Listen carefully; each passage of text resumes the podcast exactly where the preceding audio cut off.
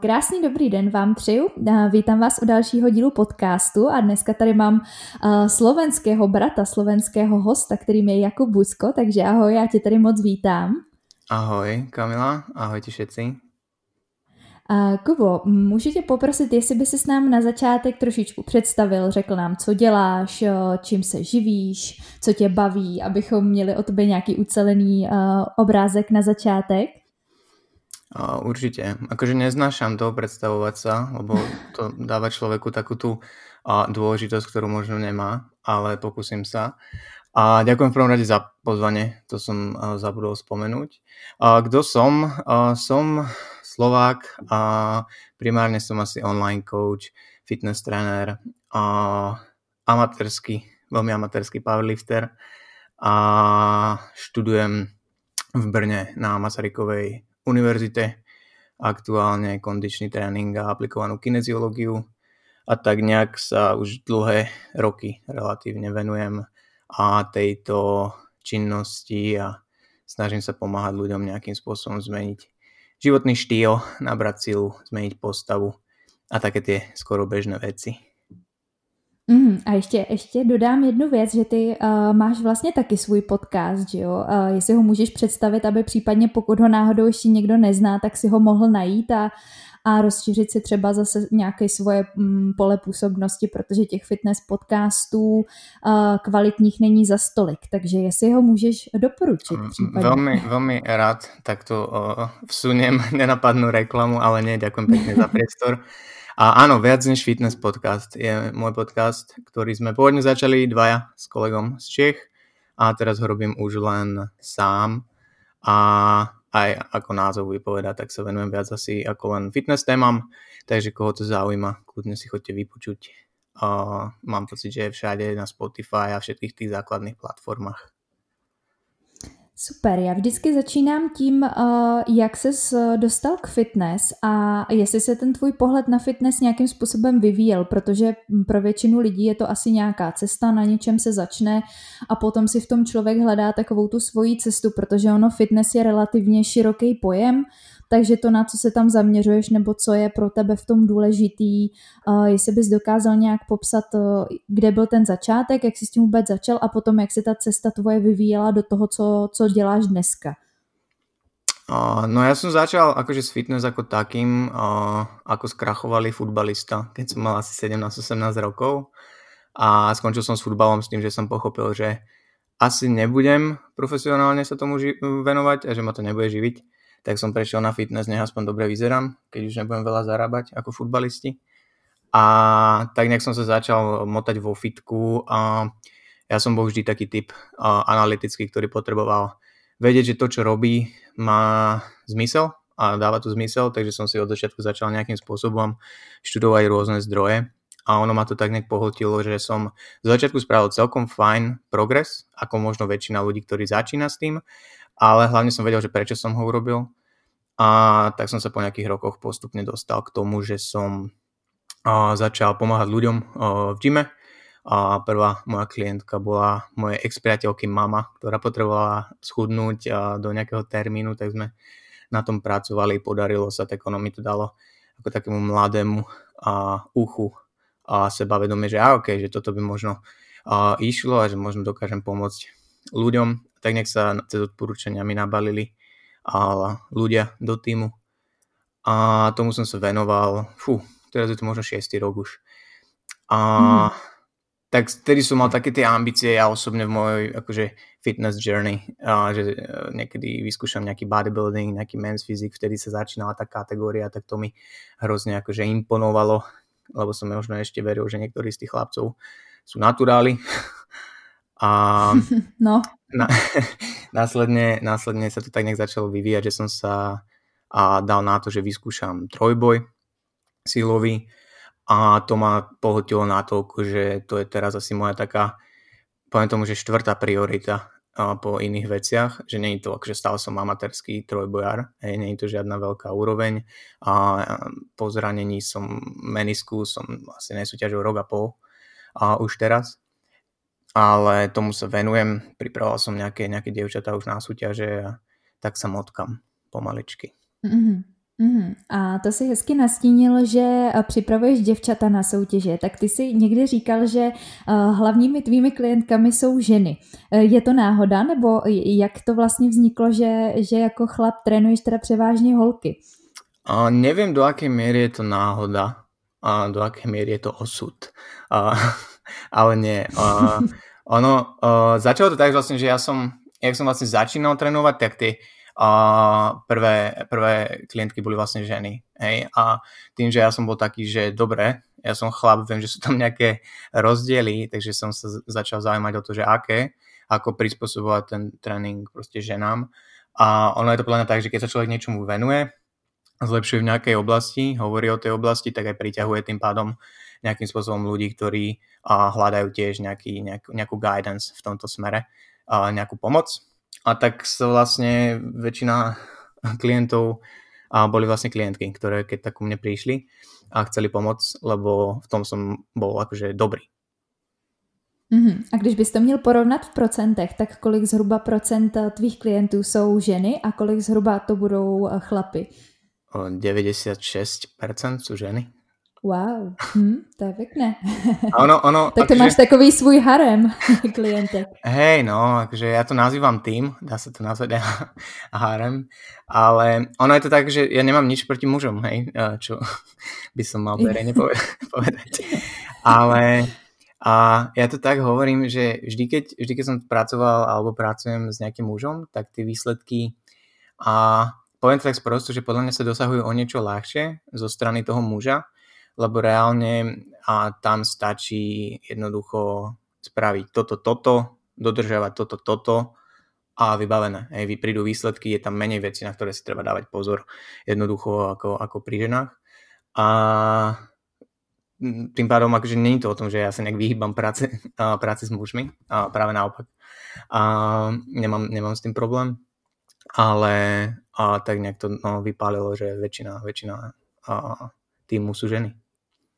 Mm-hmm. Ty už si to tam nějak nastínil, že samozřejmě k ženám, co se týká silového tréninku, se musí přistupovat trošku jinak. Co by si řekl, že jsou takový ty zásadní rozdíly, eh, co se týká tvého přístupu eh, k těm ženám, celkově k těm tréninkovým plánům, možná i trošku k té psychice, protože ta je tam taky trošku jiná asi než je u těch chlapů.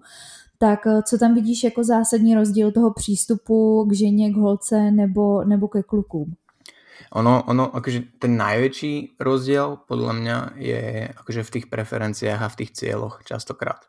A od toho sa vlastne odvíja všetko ostatné, pretože darmo mňa môžu eh, baviť drepy a leg press v gyme.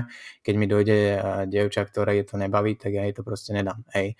A ako eh, to môže platiť pri výbere cvikov, tak je to proste pri tých cieľoch. Hej, že, že pokiaľ uh, dievča chce, ja neviem, zlepšiť zadok a ramena, hej, a tak možno nemá ten celkový cieľ, že chce iba nabrať, hej. A to je, to je v takom tom praktickom ponímaní. A čo si, čo si spomínala tú psychiku, tak ono, akože dávať pozor na to treba podľa mňa ako pri mužoch, tak pri, pri ženách, že v tomto sa snažíme akože nerobiť taký rozdiel, aby som bol zase taký nejaký predpojatý, že keď mi dojde chlap, tak si myslím, mm. že je to robot a nemusí, nemusím dávať pozor Jasne. na to, a že a, ako vníma hej, tie niektoré veci. Ale samozrejme je pravda, že, že u bab treba podľa mňa dávať o to väčší pozor a v rámci toho, či už keď riešime tréning alebo jedlo, aby tam nejakým spôsobom nevznikol nejaký patologický vzťah. Hej, lebo a, teraz nedávno Gary McGowan dával veľmi pekný post na Instagrame, a, kde vlastne hovoril o tzv. Že coaching footprint, že akú stopu zanecháva coach uh, v živote toho človeka. A je tam hrozne veľa rôznych vecí a jedna z nich je to, že ako možno ten človek vníma jedlo, ako vníma pohybovú aktivitu. A to je vec, na ktorú ja som si začal dávať veľmi veľký pozor posledné 3-4 roky, uh, respektíve väčší pozor. A myslím hlavne na to, že dobre, akože teraz so mnou niekto spolupracuje, ale ako bude všetko toto vnímať, keď so mnou spolupracovať nebude. A nemyslím tým len, že či si udrží tie kilá, čo schudne, ale aký bude mať vzťah k tréningom, k pohybovej aktivite, a k jedlu. Ten mindset celkový tak, asi. Tak, tak, tak, tak. Jak, jak bude mít k tomu životnímu stylu, aby to nebylo asi jenom uh, nějaká krátkodobá vize, ale aby si těm lidem pomohlo třeba nastavit uh, nějaký ten mindset správný k těm, i k těm dlouhodobým výsledkům, což je vlastně možná na tom ta nejdůležitější část a uh, jako kouče vlastně nasměrovat je na tuhle tu dobrou cestu. Jo, jo, jo, lebo ono akože, aj preto, ono to znie veľmi pekne, hej, a romanticky teraz, keď sa takto o tom bavíme, ale pre toho, akože pre toho klienta to možno priamo o, z toho krátkodobého hľadiska nie je až tak dôležité, respektíve si nevie predstaviť, ako dôležité to je. Ale takisto aj pre toho kouča je proste dôležité, aby za nejakú periódu samozrejme spravil nejaký progres a spravil nejaké výsledky. Ideálne spôsobom, ktorý neubliží tomu klientovi. Ale zároveň si to človek uvedomí, keď mu proste klient napíše, rok, dva roky, tri roky po spolupráci, že aká to bola super skúsenosť, ako je teraz vďaka tomu spokojný a, a vybavené. Lebo akže niekedy si to tak spätne až opozdený človek uvedomí, že OK, toto sú tie dôležité veci, na to treba myslieť. Mm-hmm. To znamená, že myslíš, že vlastně důležitější i než uh, nějaký ten fyzický progres, za kterým s tebou možná primárně ty lidi přijdou, tak ono se z toho potom může vykubat i něco, něco víc, než je jenom, že jo, chci zhubnout nebo chci zvedat víc. Uh, je zatím potom změna životního stylu, to znamená, že ten coach sice se zabývá jakoby fitness, stravou, možná cvičením, ale reálně má mnohem větší dopad na osobnost toho člověka jako celek. O, akože... Protože se mi stává, že i, ty, že i ti lidi začnou úplně jinak si věřit, jinak smýšlet o životě, vlastně si uh, úplně jinak potom nastaví priority a je to někdy docela pěkný pozorovat, co to s těma lidma dělá, změna životního stylu takhle na tu zdravější, možná teda i, i hubenější, sebevědomější cestu. Je, je, to, je to určite tak, že, že je to prepojené Áno, to fitness zasahuje proste aj do iných oblastí života tak ako iné oblasti života zasahujú do toho fitness. Tam je podľa mňa hlavne ale dôležité si dávať pozor medzi tým, že kedy sa človek sústredí akože na ten mentálny progres ako keby iba, čo nehovorím, že nie, nie v niektorých prípadoch dôležité, len niekedy mám pocit z toho tak, že, že človek sa ako keby uspokojí so tou stagnáciou, ktorú možno zažíva a sústredí sa ako keby nie na to, že prečo nerobí aj ten fyzický progres, ale sústredí sa na to, že dobre, tak čaká, aspoň, aspoň tu som, cítim sa lepšie. No, tak cítim sa lepšie. Čo hovorím, že je fajn, je to super, určite je to pekné, ale netreba to podľa mňa oddelovať. Hej, a, aby to, mm. lebo viem, že teraz sa akože dosť tlačí to, že uh, mentálne zdravie a, a od toho, že mať no. sa rád a teda, a to nechcem žiadnym spôsobom nejakým, že zľahčovať, alebo aby to nevyznalo tak, že si myslím, že to nie je dôležité. Určite to je dôležité, ale veľa a, veľakrát je to podľa mňa to prepojenie toho, že človek spraví fyzický progres, čo mu pomôže si v niektorých oblastiach veriť, zároveň uh, sa uistí, že OK, mám na to, uh, mám na to udržať si tie výsledky, spraviť tie výsledky, viem sa proste zaťať, keď niekedy je to náročnejšie uh, a vidím, že sa to niekam hýbe. Takže podľa mňa ten fyzický progres je tiež dôležitý, rovnako ako ten mentálny a veľakrát sú prepojené. K tomu my se ještě dostaneme, eh, k téhle té sebelásce Instagram a, a jak se to dneska prezentuje, to určitě bude dneska taky naše velké téma.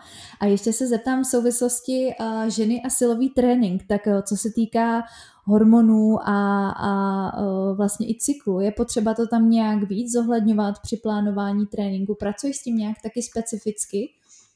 Uh, kedy si som skúšal, ono je to taký ten, ten Dunning-Kruger efekt, že keď sa človek niečo nejakým spôsobom veľmi, veľmi sa tomu uh, venuje a naštuduje si tú problematiku možno toho cyklu a vidí, že aha, dobre, tu by sa možno dal manipulovať tréningový objem a, a teda, a teda, jedlo, znižiť sacharidy v luteálnej fáze cyklu, ako to bude fungovať. A zrazu si príde, že o, toto je špeciálny recept a potom to e, človek vyskúša na relatívne veľkej vzorke klientov, zistí, že ten efekt je veľmi rôzny a nie je tak silný. a mm-hmm. zistí, že aha, že aha, možno to není až také dôležité, respektíve je to veľmi individuálne a neplatí to univerzálne pri všetkom. Takže áno, akože treba rešpektovať podľa mňa menštruačný cyklus v kontexte toho, že sú tam nejaké fluktuácie hormónov, a že keď sa žena v rámci PMS cíti na prd, neviem, či tu môžem nadávať, na prd. No, tak... No, môžeš nadávať. Nejsme a... tady korektní podcast. Dobre, dobre, cením.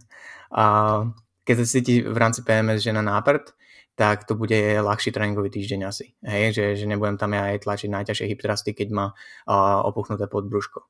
A hmm. zároveň ale sú ženy, ktoré s tým nemajú problém, ktoré úplne opak toho, čo by povedala akože knižka, majú jedny z najlepších tréningov v tej priamo pred cyklom alebo počas menštruácie. Hmm. Hmm. Hej? Takže ja keby som univerzálne sa snažil nejakým spôsobom template vytvoriť na menštruačný cyklus a nie, nie na klientku, tak by to podľa mňa nebol ideálny scenár. Ale určite to treba rešpektovať. Treba rešpektovať tie rozdiely, ktoré tam sú oproti uh, mužov, Hej, že, že, že muži sú jednoducho o, silnější. Konstantnější, asi by se dalo říct. Áno, taky, áno že, a že, a že, že nemají že tá, takové výkyvy.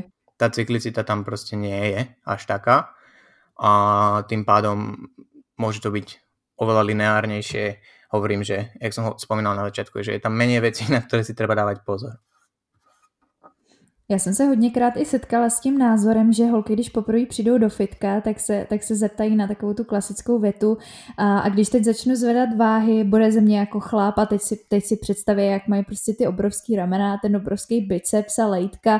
Uh, dokázal by si uh, nějak vysvětlit, jak tohle to funguje, že to třeba není tak easy, že nabrat uh, každý kilo svalové hmoty možná není úplně tak jednoduchý, jak to na první pohled vypadá, že je to do jisté míry nějaký mýtus, který už by možná bylo třeba rozbít? No je to akože veľký mýtus a podľa mňa dôkazom toho sú 100 tisíce mužov, ktorí sa o takýto rýchly progres snažia a nedaria sa im to a to majú niekoľkonásobne viacej testosterónu ako ženy, čo je ten primárny asi rozdiel v tomto smere a medzi mužmi a ženami, takže ono je to hrozne ťažké vybudovať také svaly, aby ste vyzerali a, ako chlap a podľa mňa to ani nie je reálne. Hej, lebo samozrejme sú ženy, ktoré sú veľmi, veľmi svalnaté. A ja tu nie som o to, aby som hodnotil, či to je pekné alebo nie. To nech si každý ohodnotí sám a hlavne nie je spokojná tá žena sama so sebou. Ale o, sú ženy, ktoré sú veľmi, veľmi svalnaté a napriek tomu sú menšie ako tí veľmi, veľmi svalnaté muži. Hej. A keď sa, keď sa žena pozrie na takúto svalnatú ženu a náhodou si spraví obraz, že OK, tak tu budem vyzerať, keď budem cvičiť, tak nie. Častokrát sú tam nejaké či už zakázané látky, alebo veľmi dobré genetické predispozície, lebo sú určite aj naturálne atlety, ktoré vyzerajú perfektne, ale zároveň sú to väčšinou tie, ktoré investovali brutálne veľa hodín a, a jedla do, do proste toho progresu a nerobia to len dva mesiace. Čili ten názor, že jakmile začnu zvedat váhy, tak země bude Rambo, uh, asi není úplně tak nie, tak úplne easy. A, a lidi si to asi často špatne predstavujú a, a vidí to úplne inak, než jaká je realita. Je to pre, presne tak a potom, potom vidia, ale na Instagrame sa im najviac páčia a tie baby, ktoré proste majú svalnatý zadok, hej, majú vypracované ramena a teda, Hej, že ne, mm. nevidím, nevidím veľa, veľa žien, ktoré na Instagrame ako svoje fitspo a že takto by som chcela vyzerať a followujú proste dievčatá, ktoré nemajú žiadny zadok, hej, o, nemajú hmm. žiadne svaly. O, vys, Jenom biehají. Tak, hej, akože samozrejme, hej, tie, tie postavy sú rôzne a keď robí niekto taký šport, tak bude mať proste inú postavu a je to v poriadku, ale nie veľa báb si proste povie, že bože, ja by som chcela vyzerať ako táto maratónkyňa, väčšinou sú to proste fitnessky a tie fitnessky majú Jasne. svaly. to je fakt, to je fakt. Um, OK, takže to jsme probrali uh, ženy versus silový trénink. Ještě často s čím se tam setkávám, poslední otázka. Uh, je to, myslíš, do určitý míry uh, nebezpečný pro ženy nějakým způsobem, co se týká uh, třeba i centrální nervové soustavy, že se tam musí jít opatrněji s tím silovým tréninkem, nebo jsem se setkala i s tím názorem, že mrtvej tah rozšiřuje pás, nebo že to je špatný pro orgány a tedy a tedy. Je tam uh, něco, co se zakládá podle tebe na pravdě, nebo je to další nějaký mýtus? O, nikdy som sa nestretol ja osobne s týmto tvrdením, takže nedovolím si povedať, že či je to mýtus alebo pravda, ale pochybujem, a to len tak nejakým sedliackým a skoro akademickým rozumom, že by boli nejaké dáta a literatúra, ktorá by to potvrdzovala. Takže možno zase niekto na základe nejakého mechanického vzťahu a vytvoril teóriu a spravil z toho gospel. Neviem. A určite je dôležité dávať si pozor na regeneráciu a to platí univerzálne proste pri tréningu. A je dôležité dávať si pozor na to, aby človek cvičil s relatívne správnou technikou, čokoľvek to znamená pre daného človeka. a veci ako správne dýchanie, zapojovanie stredu tela, takisto hej, sú dôležité nielen pre ženy, nemyslím si, že je tam niečo akože špeci v tomto smere, ale hovorím, nikdy som nepočul o tom, že by deadlift bol nebezpečný pre ženy z dôvodu uh, nejakého pánového dna alebo tak. Mm-hmm. Takže zase další mýtus, který uh, možná takový to, jak čeho se ženy bojí, že budou zvedat do fitka, tak uh, můžeme asi docela s klidem vyvrátit. Urči, určite, akože nikto by sa podľa mňa nemal báť uh, ísť do fitka cvičiť a silneť. A nedávno sa mňa osobne opýtala klientka, keď som jej vysvetloval, že počas kardia spáli viacej kalórií ako, ako v rámci silového tréningu pravdepodobne, že na čo teda robí silový tréning a že na čo musí silneť. A okrem akože tých estetických dôvodov som jej vysvetloval, že tá sila v literatúre jasne koreluje s kvalitou života v neskoršom veku, že vy ženy máte pro, problém potom a, po istom a, veku s tým, že vám odchádza kostná denzita, ktorú môžete vytvoriť a po, po, pomôcť jej iba alebo teda primárne silovým tréningom, to je asi najefektívnejšie. Takže tých benefitov je tam veľmi veľa a určite sa toho netreba báť, lebo ja osobně tam vidím iba benefity, jak je to správně a rozumně robené. Mm-hmm. A myslíš si, že domácí trénink dokáže do jisté míry uh, nahradit posilovnu? Dokáže si stavit domácí trénink tak, aby na něm uh, žena dokázala progresovat? Protože uh, kolikrát, když takhle vidím nějaké statistiky na Instagramu, tak uh, bych řekla, že hodně ženských cvičí doma a pořád jakoby nepřekročili tu lajnu toho uh, odvážit se a jít do toho fitka, protože třeba nevědí, co by tam cvičili na strojích a neumějí s tím. Takže pořád vlastně jedou dokola nějaký ty YouTubeový tréninky. Tak uh, jak vidíš tohle z hlediska nějakého progresu a budování možná teda postavy? No, pred koronou som bol voči tomu asi viacej odolný, ale keďže korona ma donutila prvýkrát v živote robiť aj tréningy na doma, okrem nejakých dovolenkových, tak a dá sa to robiť samozrejme aj rozumne, dá sa to robiť aj efektívne a veľmi záleží od akože cieľov toho človeka, lebo aktivita akákoľvek je super. Pokiaľ niekoho doma baví robiť, ja neviem, z videokazety, tak nech to robí a určite je to lepšie ako nič. Ak sa bavíme o budovaní svalov, tak v domácom tréningu je to určite ťažšie. Hej, a po istom bode možno a po dosiahnutí určitej trénovanosti a možno až nemožné, a pokiaľ si do obývačky nenasťahuje squat rack a bench press. Hej. Že ono, doma sa dá, hej, keď mám v garáži gym, tak pôjde.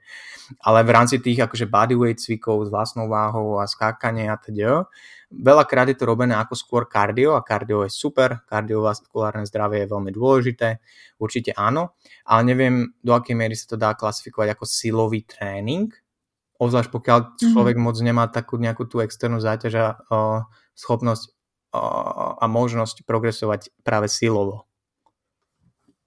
Takže myslíš, že takový ty uh, hitka, co jsou na YouTube a, a takové ty cvičení na 20 minut, to vlastně spíš teda než silový trénink, uh, což si mnohdy myslí, uh, ženy, že cvičí, tak je to spíš taková jakoby cardio aerobik, by si to dalo nazvat možná. Áno, áno, akože možno nejaká akože vzdialenie, nejaká silová vytrvalosť, ale skôr by som to radil do tých akože kardio záležitostí a hovorím, a to je v poriadku, len si treba ujasniť tie ciele a potom ty adaptácie, ktoré z danej činnosti a aktivity získame. Jasně. Um, a ještě jsem se tě chtěla zeptat poslední otázka k tomu, uh, k tomu tréninku doma versus uh, ve fitku. Uh, takové ty otázky, které někdy dostávám, jako uh, můžu cvičením doma spevnit, respektive vybudovat nějak zadek, jako takový ten kulatý, pěkný, že jo, nebo, nebo získat břišáky. Je to podle tebe uh, možný tréninkem ve fitku, uh, teda tréninkem doma oproti tréninku ve fitku? Jak tohle to vidíš, ty rozdíly, protože se mě často na to někdo ptá. Je to určite jednoduchšie vo fitku. Nepoviem asi, že doma je to nemožné, pretože som to nikdy neskúšal, ja osobne, vybudovať zadok doma. A určite záleží od trénovanosti človeka. Ak úplný začiatočník, čo nikdy nič nerobil, začne cvičiť doma a zo začiatku mu ten akože odpor a je dostatočný, tie adaptácie tam samozrejme predbehnú. Hej, my máme akože z literatúry je jasné, že tá svalová hypertrofia, čo väčšinou akože ten svalový rast je to, čo myslia ženy tým, že povedia, chcem spevniť, tak je to, že a, chcem mať menej tuku a trochu viac svalov. Hej, to je preklad do, do trenerštiny. A tým pádom a my, máme, my máme jasne akože informácie, že dá sa stimulovať svalový rast aj veľmi vysokým počtom opakovaní. Nemusí to byť len, neviem, 8 až 12 a pokiaľ je to blízko svalového zlyhania. Akurát, že problém je, že po istom bode a možno už od začiatku väčšina žien v domácom prostredí, keď majú vedľa, ja neviem, gauč a telku, sa nevedia podľa mňa tak pušnúť, že dosiahnu to svalové zlyhanie a tým pádom ten progres bude veľmi pomalý, ak vôbec nejaký. Potom úvodnom nejakej tých prvých mesiacoch, kedy to ešte bude ťažké. Mm, dokázal bys popsat, jak vypadá takový svalový sel, selhání, jestli to můžeme přeložit takhle do češtiny, vy to máte zlíhání a my máme selhání. Uh, jak a... vypadá a, a je potřeba uh, svalové selhání, aby, aby docházelo k hypertrofii neboli k růstu svalů? A literatúra naznačuje a tie štúdie aktuálne naznačujú, že treba byť minimálne blízko toho svalového zlyhania. Hej, a keď si to má človek predstaviť, uh, lebo sú cviky, kde nechceš ísť že do svalového zlyhania, ako nejaké drepy s ťažkou váhou a teda, lebo to znamená, zlyhanie na drepoch znamená, že sa nepostavíš to, s tou činkou, hej, že ten sval už proste nemôže s dobrou technikou, a, takže, a nechceme cvičiť zlo, so zlou technikou. A, takže sú cviky, kde nechceš ísť do svalového zlyhania, iba blízko neho. Ale keď mám dať nejaký príklad, tak pri bulharskom drepe a to znamená to, že možno už sa nepostavím to posledné opakovanie. A otázka je, že ako ďaleko som od toho svalového zlyhania a keď je to viac ako 4 opakovanie, tak pravdepodobne to je moc veľká rezerva na to, aby to bolo stimulujúce. Mm-hmm. My už jsme to trošičku nastínili v těch tématech předtím. Dostaneme se k tomu Instagramu sebe, láska, vlastně lifestyle, co teďka, co teďka běží. Všimnul si z toho taky, že teď před pár lety frčely takový ty vysekaný formy a všichni to obdivovali a teď se ten trend začíná maličko měnit a posouvá se to na takový to focení fotek jako tohle jsem fakt já a vlastně fotit se vlastně v těch nejhorších pozicích, protože já s sebou souhlasím v tom, že není určitě špatně mít se rád a akceptovat nějaké svoje chyby, které třeba nemůžeme změnit. Na druhou stranu mi přijde naprosto normální, eh, že se mi třeba úplně, ano, vím, že třeba mám trošku špíček na břiše a tak, takže asi ho nebudu úplně třeba nějak jako fotit a úplně se v tom jako vyžívat. Co ty si o tomhle tom myslíš? Ono je to taká, taká pandorina skrinka, táto téma, a že otvárať to je vždy veľké riziko, lebo a určite, určite, ako si spomenula, tak pár rokov dozadu to bolo všetko bikini fitness, vysekaných formách a tvrdých prípravách a že to je obdivuhodné a wow. A fakt mám pocit, že ono to tak, uh, neviem čím to je, ale že sa to postupne tak zmenilo a prešlo to zase k tomuto. A ako, ako sme povedali, tak akože mať sa rád je extrémne, extrémne dôležité, hej. Ale podľa mňa je veľmi dôležité byť k sebe nielen akože dobrý, ale aj úprimný. A a to podľa mňa veľa ľudí, čo nejakým spôsobom toto tlačí, tak na to zabúda. To, že či je ok fotiť sa v nejakej polohe, držať si špek niekde, hej, a to ja nebudem hodnotiť, lebo každý si môže robiť, čo chce. Hej. Ja si nemyslím, že je chyba tých ľudí, čo to nerobia, že to nerobia. Hej. Nemyslím si, že je chyba na Instagrame tých ľudí, ktorí sa fotia iba v tých dobrých formách a že, že je to chyba tých ľudí, čo, ja neviem, súťažia a keď nesúťažia a sú vo season, tak dávajú fotky iba z, z tej súťažnej formy a nech si každý robí, čo chce. Hej, to ne, ne, nemyslím si, že toto je zlé. Zároveň si nemyslím, že je problém s tým, že niekto sa odfotí a, a ukáže a možno niektorým ľuďom, ktorým to pomôže, že OK, hmm. že takáto je realita, že halo, stále je to len Instagram. Lebo podľa mňa to je veľmi dôležité si pripomínať. Ja osobne mám skôr problém s tým, keď je hrozne cítiť, že ten človek a, to akože nemyslí úplne úprimne. pro ty lajky možno. Áno, mm, áno, že je to len že jo, skočenie jo, jo. Na, ten, na ten vlak, hej, ktorý možno zase ako ujde a bude niečo iné, ale to mi skôr vadí asi, že viacej, pretože otázka je, že či je to skutočná sebaláska, hej, tá self-love, alebo len je to nejaká forma, aby na, na Instagrame ten človek vyzeral vyrovnaný.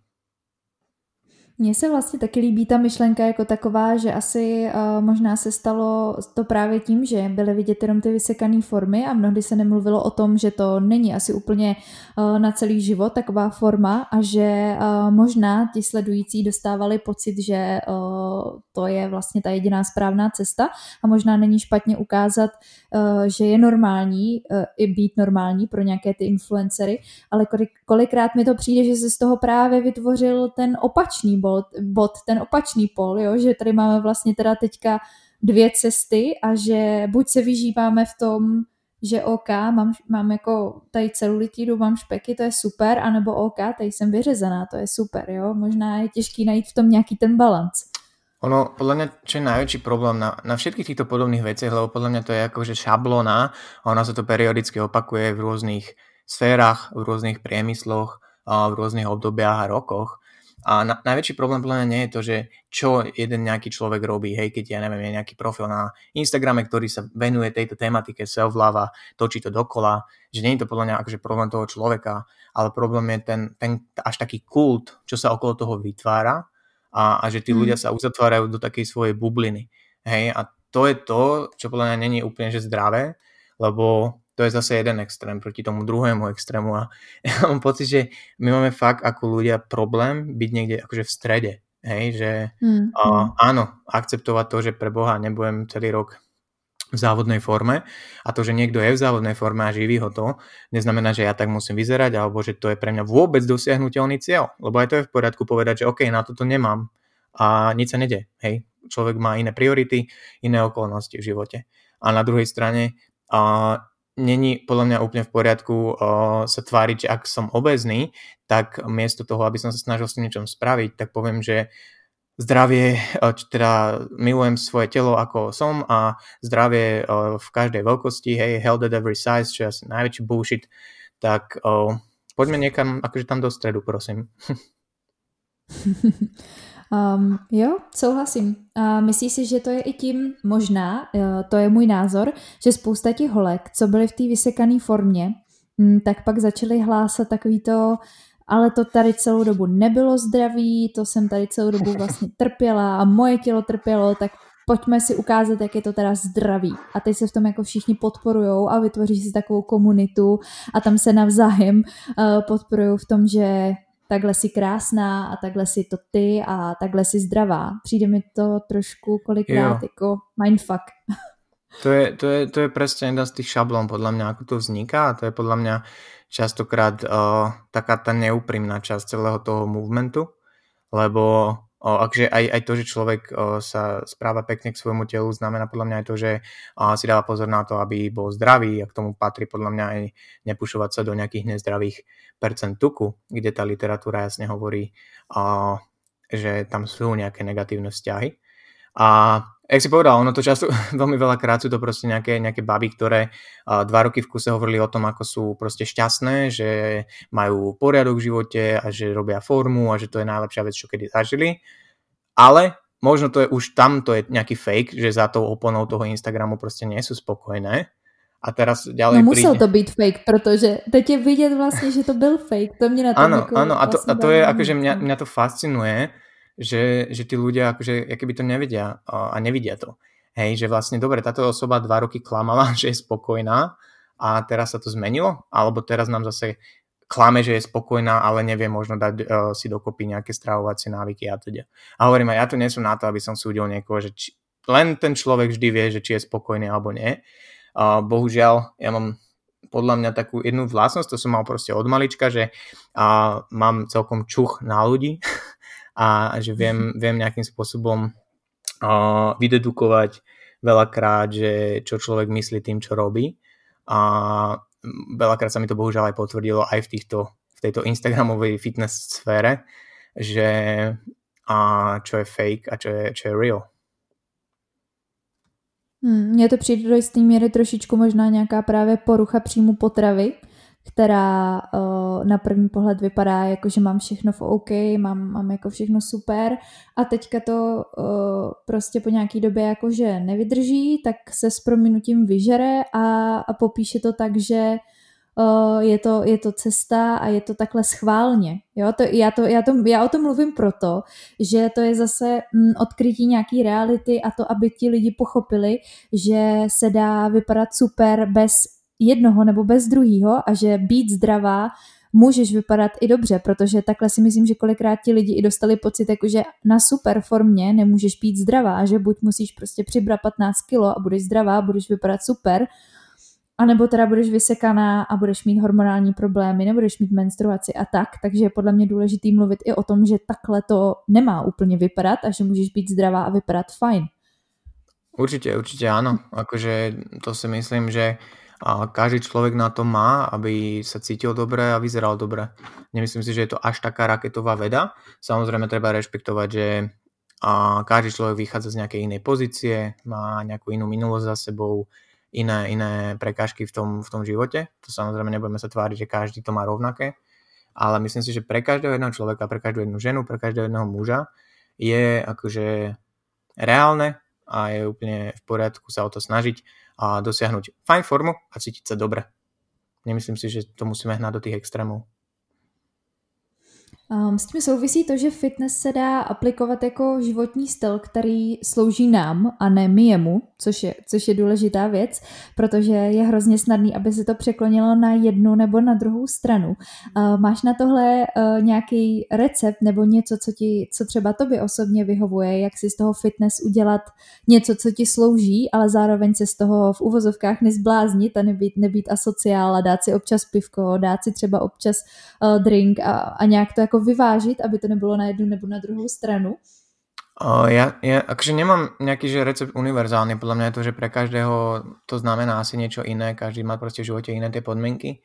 Mne osobne veľmi prospelo, že v začiatkoch um, mojej fitness uh, wannabe kariéry um, som bol hrozne akože striktný a že som išiel takúto typickú bodybuilderskú stravu, a užíval som si to, že som si užíval ten haslo, užíval som si to, že uh, dodržiavam nejaké veci.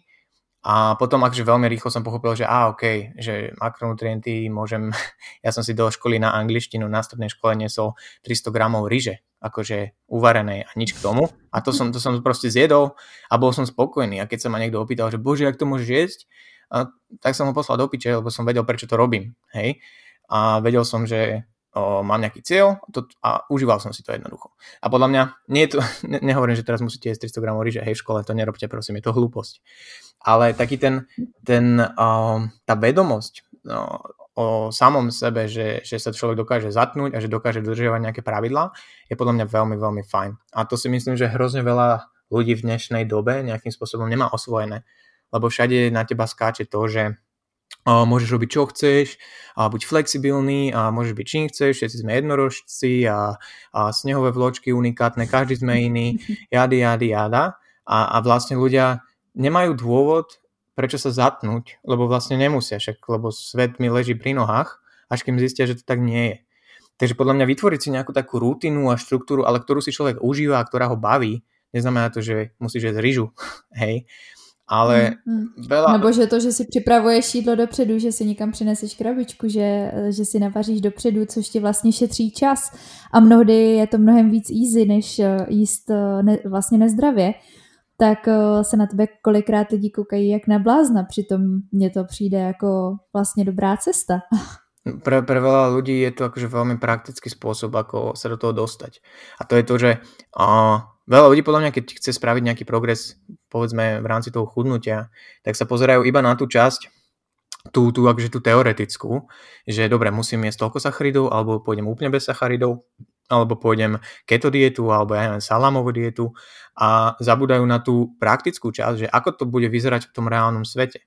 Lebo to, že ja mám na papieri napísané, že mám zjesť 200 gramov sacharidov, ešte neznamená, že niekto mi tých 200 gramov sacharidov pripraví a kedy ich budeme jesť a ako, čo na to povie rodina, budeme si variť spolu a teda a teda.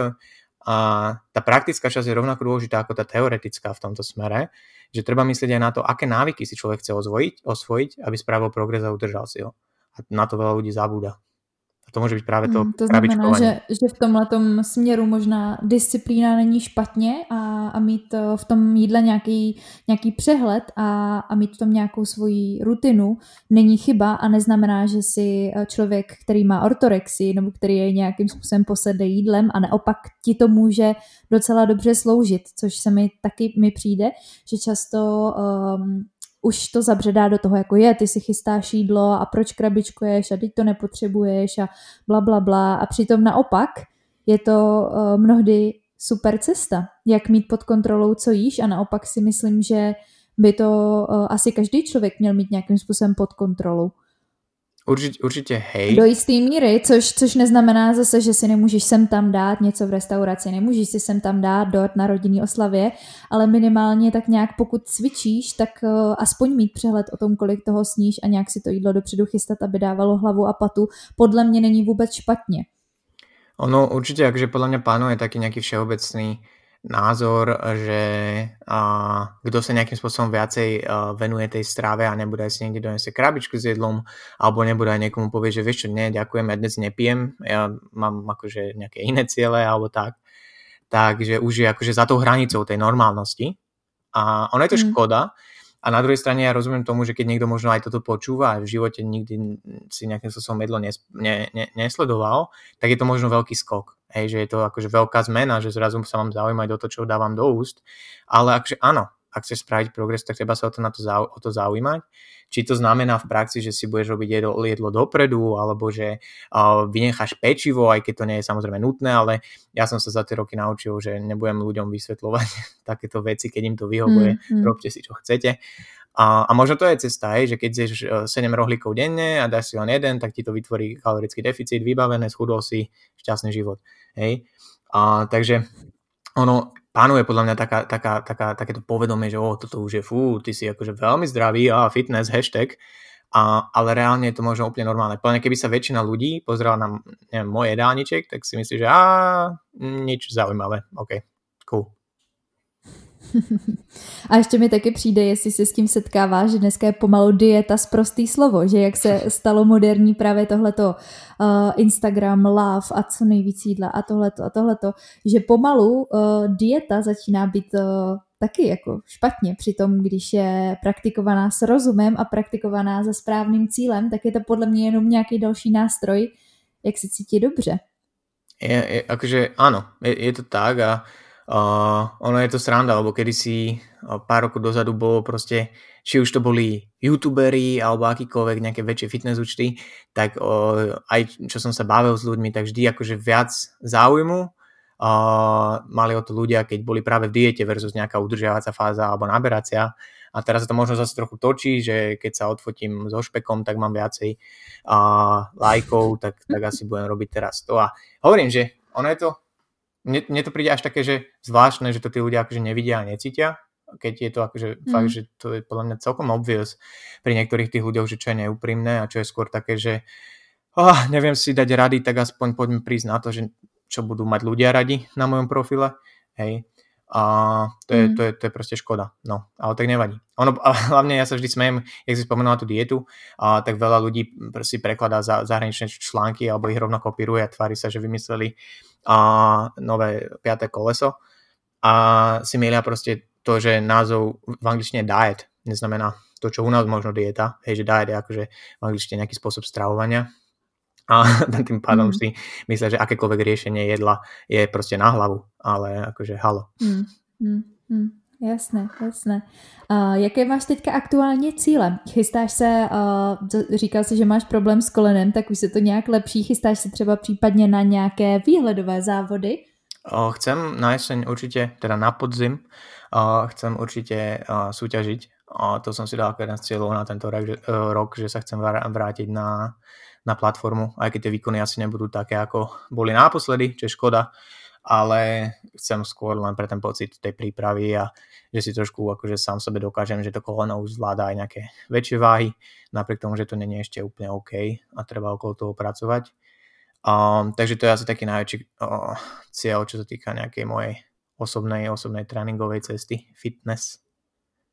Mm, a dokázal bys nám ještě zopakovat teda svoje služby, když by tohle slyšel někdo, komu um, na koho zapůsobíš, na koho přineseš svoje kouzlo a chtěl by tě vyhledat jako kouče, tak uh, s čím se za tebou můžou lidi obrátit? Uh, ak niekto chce spraviť progres v rámci fitness a má rád silový tréning a chce zmeniť postavu, tak tomu sa venujem. Hej, ja, ja ne, nedovolím si ešte povedať, že by som bol uh, nejaký prep coach v rámci silového trojboja, Skôr je to tak, že pripravujem nejaké dievčatá na silový trojboj, ktoré s ním chceli začať, tak som im ukázal cestu, ale uh, sú, sú určite ľudia vo svete, ktorí sú skúsenejší ako ja, takže preto si nedovolím ešte sám seba označiť za nejakého trénera trojboju, hej, napriek tomu, že to robím. ale rešpektujem to, že tam treba veľmi veľa skúseností na to, aby človek sa podľa mňa takým niečím mohol nazvať. Takže tak. Mm-hmm. A prozradíš nám ještě uh, kromě Viac než fitness podcast, který najdou asi uh, posluchači na Spotify, předpokládám i mm-hmm. na dalších platformách, tak uh, kde tě případně najdou, kde tě můžou kontaktovat? Instagram Jakub ten podebník, alebo ako to voláte v Česku. Jakub podebník Bucko. Podtržítko. Á, podtržítko, sorry. Ja mám vulgárne. My na Slovensku áno. sme vulgárni. A to je, to je Instagram. A to je asi, asi aj všetko. Ja inde, inde nie som. Facebook ma nebaví. Jo, super. A, takže tak. No, to dneska, to, to už dneska nefrčí Facebook asi. No, no, no. Jak říkala teď, teď kamarádka, že Facebook už je pro 60+, plus, tak teď Instagram frčíme. Hey, za, za chvíľu sme aj my v tej kategórii, takže nás to čaká možno. OK. Tak jo, moc krát ti děkuji, Kubo, že jsi přišel do podcastu. Bylo to moc fajn, přeju ti hodně úspěchů, aby se ti co nejdřív zotavilo koleno a i, i co se týká eh, práce, i osobního života, užívej si léto, díky, že jsi přišel a um, přeju ti super zbytek dne, díky moc. Ďakujem aj ja veľmi pekne za pozvanie a verím, že niekomu to možno niečo dalo. Ďakujem pekne. Ďakujem, mějte se, ahoj.